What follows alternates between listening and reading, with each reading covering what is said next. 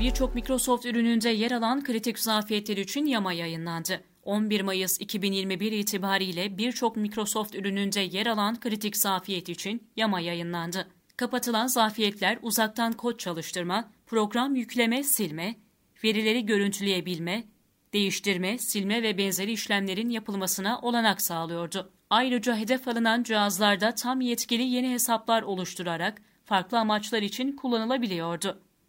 Böylesine kritik durumlar bulunsa da zafiyetlerin kullanıldığına dair herhangi bir rapor yayınlanmadı.